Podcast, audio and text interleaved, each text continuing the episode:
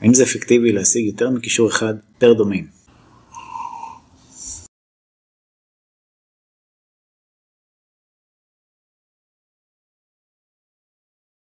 אז תחשבו על זה ככה, אם נגביל את כישורים לעולם האמיתי, גוגל בעצם מצפה לראות כישורים, הפניות, המלצות, מכמה שיותר דומיינים שונים. כי אם נשווה את זה להמלצות בעולם האמיתי, זה כמו לקבל כמה שיותר המלצות מכמה שיותר אנשים שונים. אם בן אדם אחד ממליץ עליי עשר פעמים, כן, בעשר הקשרים שונים, לעומת עשרה אנשים שונים שכל אחד ממליץ עליי פעם אחת, מה לדעתכם יותר חזק? אז כמובן שעדיף כמה שיותר אנשים שונים שימליצו עליי, זאת אומרת כישורים כמה שיותר דומיינים שונים, כמובן דומיינים טובים, רלוונטיים, סמכותיים, כל הדברים שחשוב להסתכל עליהם, מאשר למשל מצב של אה, עשרה כישורים מאותו אתר.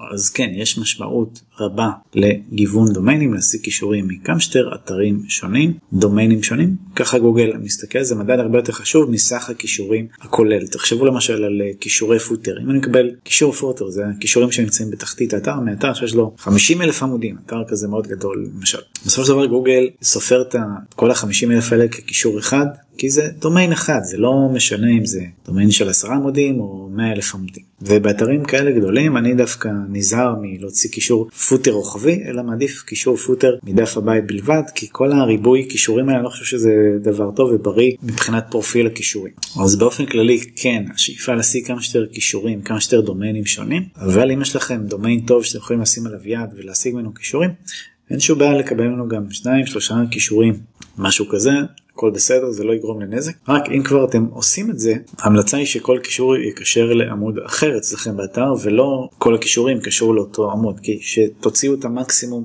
כוח אפשרי מאותו דומיין. תגוונו עם הכישורים תפנו לכל פעם לעמודים שונים באתר האפקט יהיה הרבה יותר משמעותי. אז שיהיה עם זה בהצלחה. למידע נוסף על כישורים יש לי המון המון מדריכים באתר. מוזמנים להיכנס פה לכישורים בתיאור הסרטון.